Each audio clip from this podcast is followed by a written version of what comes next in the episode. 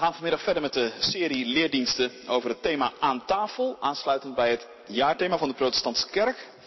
We overdenken verschillende aspecten de komende weken van het Heilige Avondmaal. Uh, twee weken geleden stonden we stil bij de instellingswoorden, zoals die uit 1 Korinthe 11 naar ons toe komen, via Paulus, maar die woorden gaan weer terug op het Evangelie, op woorden van Jezus zelf. En daar luisteren we vanmiddag naar. Lucas 22, vers 7 tot en met 20. En daarbij een vraag en een antwoord uit de Heidelbergse catechismus. Schriftlezing vanmiddag uit Lucas 22 vanaf vers 7. Horen we het woord van God. De dag van het ongedecemde, ongezuurde brood, waarop het Pesachlam geslacht moest worden, brak aan.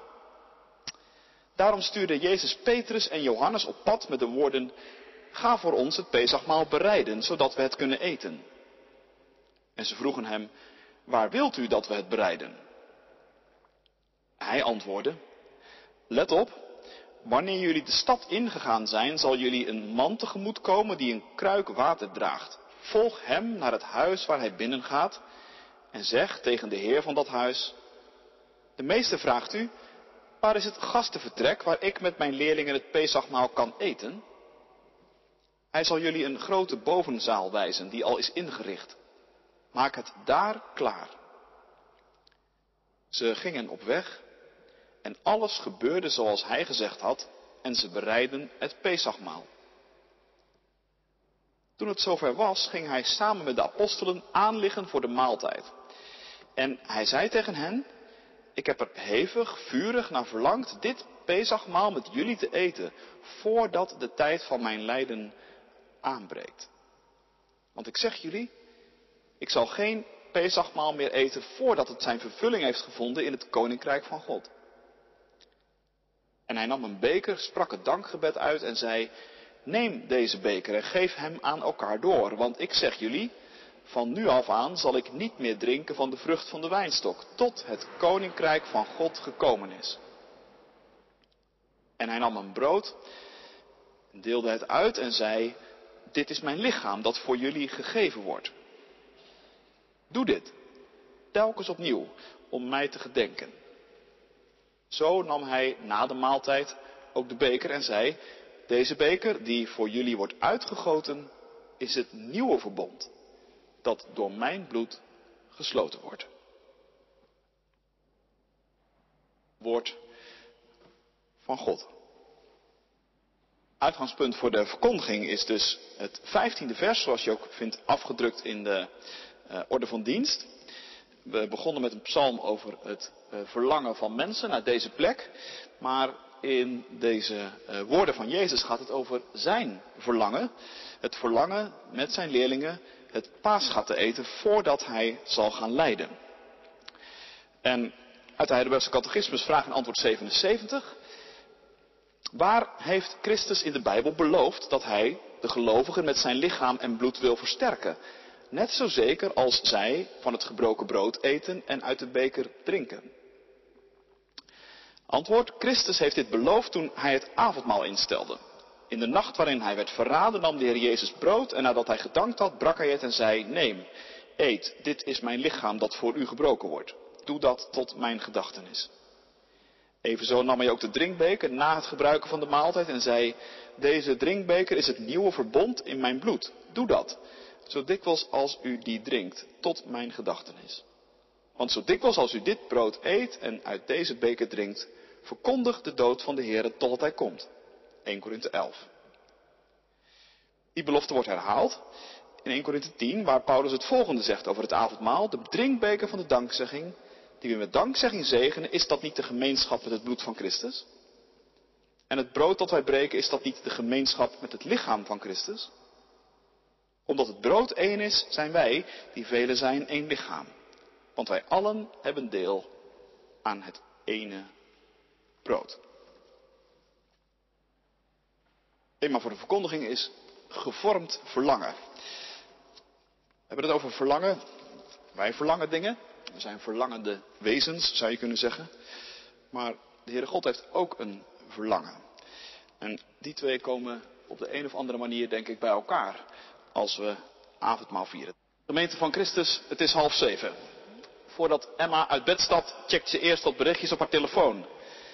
Dan kleedt ze zich vlug aan en loopt ze naar de koelkast. Voor het ontbijt valt genoeg te kiezen. Brood of toch yoghurt. Ze kiest voor het laatste en neemt het aantrekkelijk vormgegeven pak mee naar de ontbijttafel. Even later springt ze op de fiets richting station. Ai, de trein heeft vertraging. Emma drentelt wat rond op het perron. Aantrekkelijke personen staren haar aan vanaf allerlei reclameposters die voortdurend ook veranderen. Jij verlangt naar succes, lijken ze te willen vragen. Koop dan deze auto. Rij ermee rond, want zo kom je succesvol over. Jij verlangt naar geluk. Boek dan deze vakantie, want die gaat je dat gevoel geven.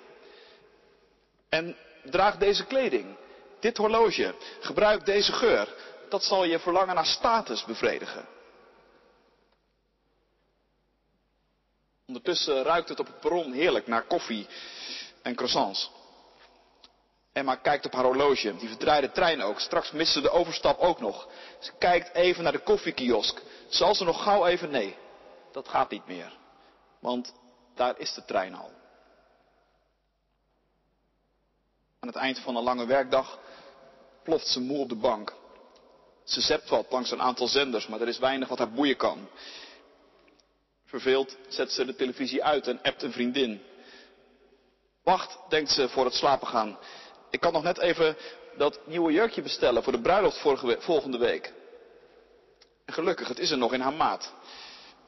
Voor twaalf uur besteld, morgen in huis. Dat is mooi, denkt ze.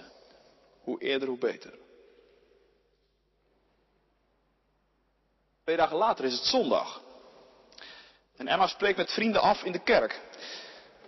Ze komt daar best graag en kiest deze week voor de vijf uur dienst.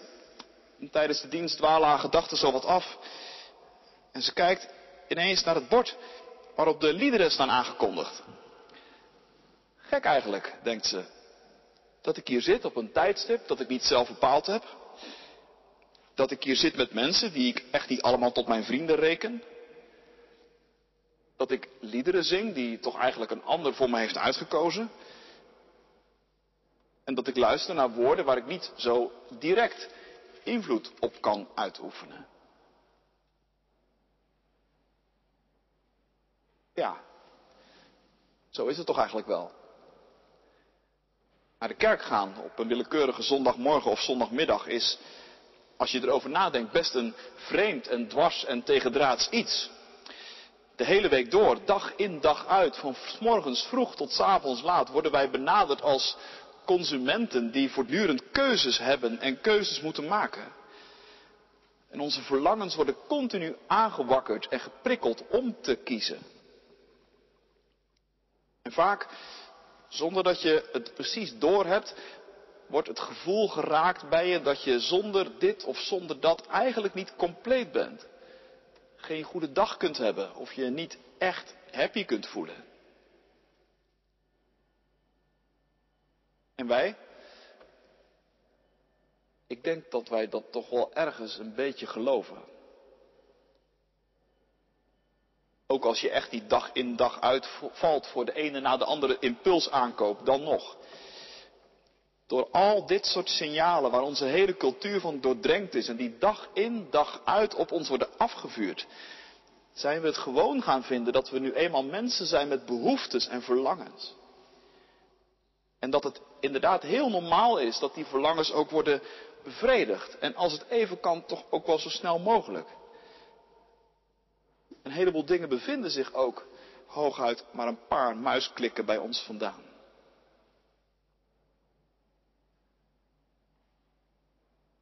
Maar vanmiddag zijn we hier in de Jacobikerk of luisteren we op afstand mee. Inderdaad, samen met mensen die je voor het grootste gedeelte niet zelf hebt uitgekozen. We zingen liederen die we niet zelf hebben uitgezocht op een moment dat we niet zelf bepaald hebben. Allemaal heel vreemd en tegendraads eigenlijk. En dan horen we ook nog vanmiddag een woord van Jezus. Ik heb er zeer naar verlangd deze paasmaaltijd met jullie te eten voordat ik ga lijden. Dat is het woord dat ons vanmiddag stil wil zetten. Want dat Jezus blijkbaar ook een verlangen heeft, een heel sterk verlangen zelfs. Ik ben benieuwd of je daar wel eens bij stilgestaan hebt. Ik eigenlijk niet eerder. En eerlijk gezegd betrapte ik mij weer eens op dat ik die houding van. Ik ben toch eigenlijk een mens met verlangens en het is toch wel min of meer de bedoeling dat die verlangens bevredigd worden, dat ik die niet achterlaat bij de kerkdeur als ik binnenstap. Betrapte me erop dat ik blijkbaar toch ook wel een beetje voorgeprogrammeerd ben geraakt. Zodat zo'n woord bij Jezus toch, van Jezus toch ook vreemd overkomt. Ik heb er zeer naar verlangd deze paasmaaltijd met jullie te eten voor ik ga lijden.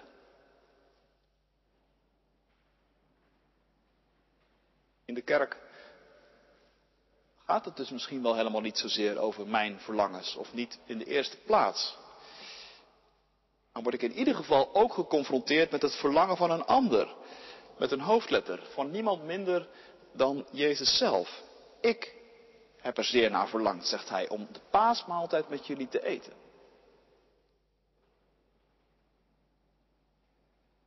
Dit is een woord van Jezus dat we niet zomaar over het hoofd moeten zien. Het is namelijk de enige keer in het evangelie dat Jezus überhaupt iets verlangt. Jezus heeft doorgaans niet veel nodig. De vossen hebben holen, zegt hij ergens anders. De vogels van de hemel hebben nesten. De mensenzoon heeft nog geen plekje waar hij zijn hoofd neer kan leggen. Maar je krijgt niet de indruk dat hij dat nou eigenlijk zo heel erg vindt. Dus als hij hier in Lucas 22 ineens iets verlangt, dan is dat wel iets bijzonders. En het is ook niet zomaar een verlangen, het is een hevig en intens verlangen. Er staat letterlijk, ik heb begeerig begeerd om de paasmaaltijd met jullie te eten. Waarom? Vraag je je dan af. Waarom verlangt Jezus er zo naar om de paasmaaltijd met zijn leerlingen te eten? Nou ja, dat staat er niet met zoveel woorden bij, dus we moeten onze gedachten een beetje laten gaan. Om te beginnen, het is een verlangen naar de paasmaaltijd. Het is dus een verlangen naar het grootste feest dat Jezus en zijn leerlingen kenden. Het feest dat, we hadden het daar twee weken geleden ook al over, het feest dat herinnerde aan de uittocht uit Egypte. Het feest waarin God geëerd wordt en geprezen als degene die verlost en bevrijdt. Paasmaaltijd herinnert je dus aan wie God is. Aan wat Hij vroeger gedaan heeft. En aan wat je nu nog van Hem kunt verlangen. Verwachten, sorry. Want anders dan in onze vluchtige wereld bieden resultaten uit het verleden bij de Heere God wel garantie voor de toekomst. En daarmee zitten we dan ook meteen midden in Jezus' grootste passie. Het hart van God aan de mensen zichtbaar maken. Ik heb, zegt Jezus ergens anders, Johannes 17, aan de mensen uw naam bekendgemaakt, Vader. Ik heb aan de mensen verteld dat u inderdaad bent Zoals de vader in de gelijkenis van de verloren zonen bijvoorbeeld. Ik heb laten zien dat u een God bent die omkijkt naar mensen naar wie verder niemand omkijkt. Een weduwe, een melaatse, een hoer, een tollenaar. Ik heb laten zien dat u een God bent die mensen als Zacchaeus bevrijdt uit angst en hebzucht en geldzucht. Zo is Jezus op aarde bezig geweest. Zo heeft Hij ons laten ontdekken dat God zo anders is dan wij vaak denken. En daar is Hij nog steeds mee bezig. Daarvoor brengt Hij ons week in week uit naar deze plek. Om dat je te laten vertellen. Dat hij niets liever wil dan dat wij ontdekken wie God werkelijk is. En dat hij dus een intens verlangen heeft om met ons de maaltijd te vieren. Om ons dicht bij hem te hebben, want dat is toch wat een maaltijd wil zeggen. Vriendschap, verbondenheid, vreugde. Nou, zegt Jezus vanmiddag tegen ons, weet dat ik daar hardgrondig naar verlang. Om die maaltijd te vieren.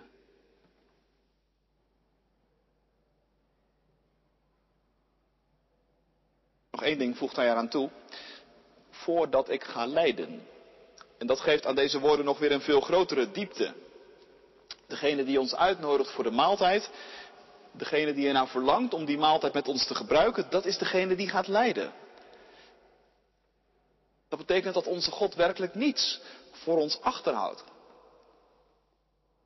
Zijn intense verlangen om met jou en mij aan de tafel te zitten en vriendschap te hebben, dat gaat zo ver dat hij zijn leven voor je op het spel zet.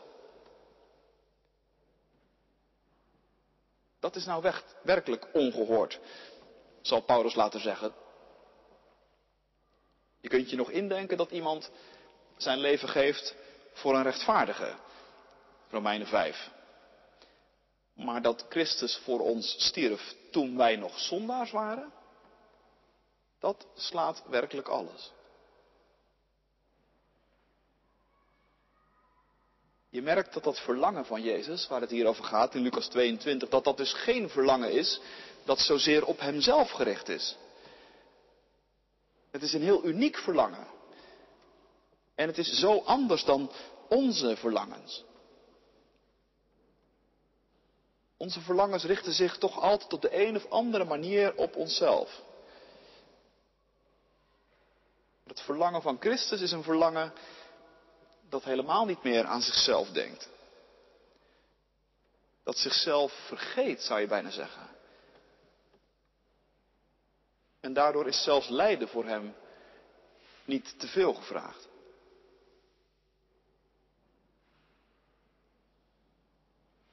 En dit is dus de God met wie wij te maken krijgen als we in de kerk komen. Niet met een vage, afstandelijke God zonder gezicht. Een God die, als hij al bestaat, waarschijnlijk iemand is die ergens boven aan de knoppen zit en zo op een onnavolgbare manier hier en daar wat invloed uitoefent op ons leven. Die misschien ook ergens een debet- en creditrekening bijhoudt van onze goede en slechte daden. Die aan het eind van ons leven de balans opmaakt en dan maar hopen dat je aan de goede kant van de streep terechtkomt. Nee. In de kerk wordt ons verteld over God die we hebben leren kennen in Jezus Christus. Degene die zijn leven voor ons heeft gegeven. En die tegen je zegt, weet je dan niet hoe intens ik ernaar verlang om je bij mij aan tafel te hebben?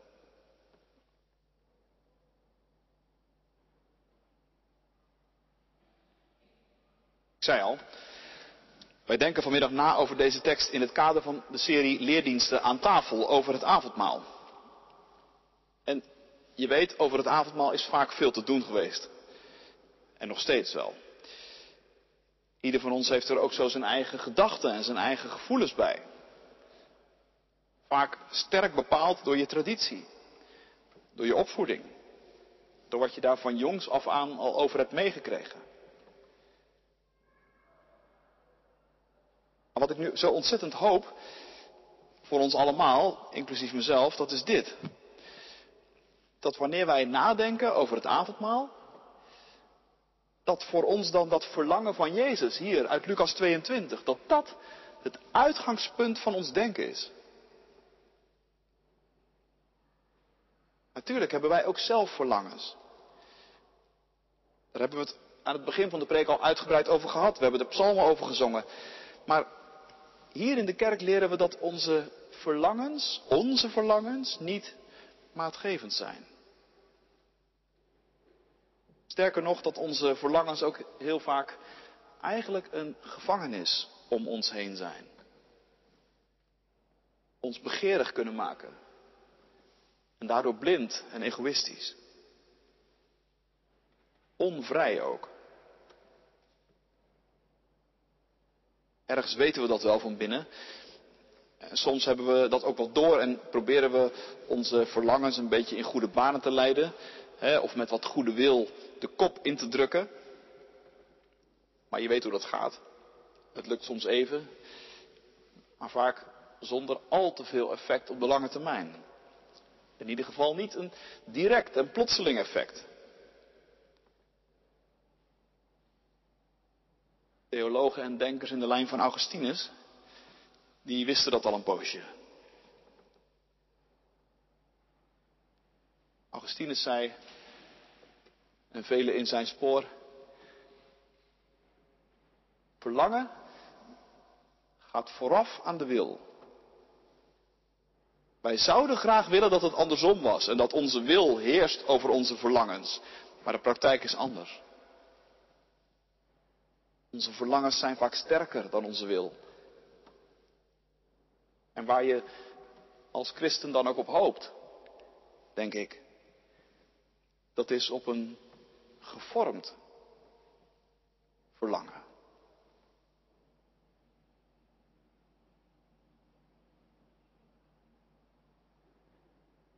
Hoe werkt dat dan, zeg je? Een gevormd verlangen. Als onze wil daar nou eigenlijk amper toe in staat is. Iemand anders die dus meedenkt in de lijn van Augustinus, een stuk later in de tijd.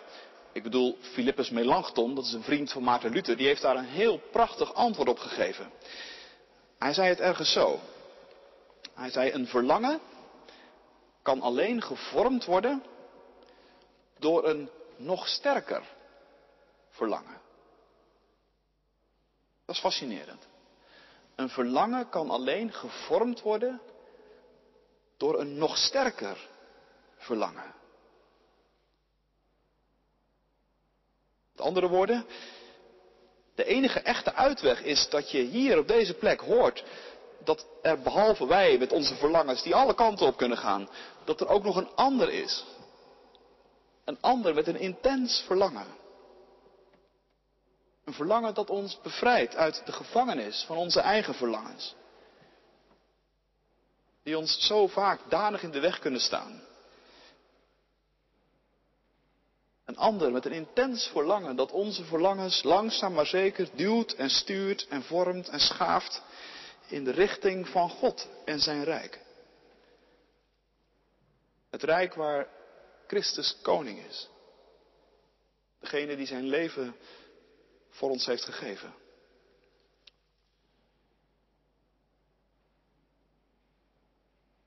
In die lijn lees ik ook vraag en antwoord 77 van de Heidelbergse catechismus. Die vraag, we lazen het, die gaat over avondmaal vieren en dan de vraag hoe je er zeker van kunt zijn dat Christus meent wat hij zegt. En hoe je er zeker van kunt zijn dat avondmaal vieren je sterkt in je geloof.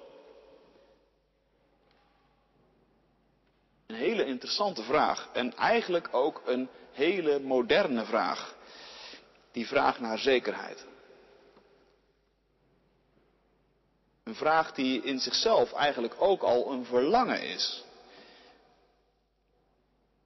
Ik verlang naar zekerheid. Wie niet? En die zekerheid, dat is, ik spreek maar even voor mezelf, maar misschien herken je het. Dat is toch heel vaak bij ons ook een kwestie van gevoel. Wij voelen ons zeker. Of we voelen ons juist niet zeker. Maar wat nu zo fascinerend is aan de catechismus, die, die buigt die zekerheid een beetje weg van onze verlangens naar zekerheid. En een beetje weg van ons gevoel. Waar heeft Christus beloofd? begint de vraag. Kijk, in de vraag zit dus eigenlijk het antwoord al opgesloten. Waar heeft Christus beloofd?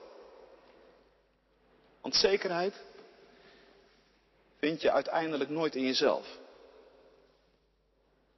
Ook niet in je verlangen naar zekerheid.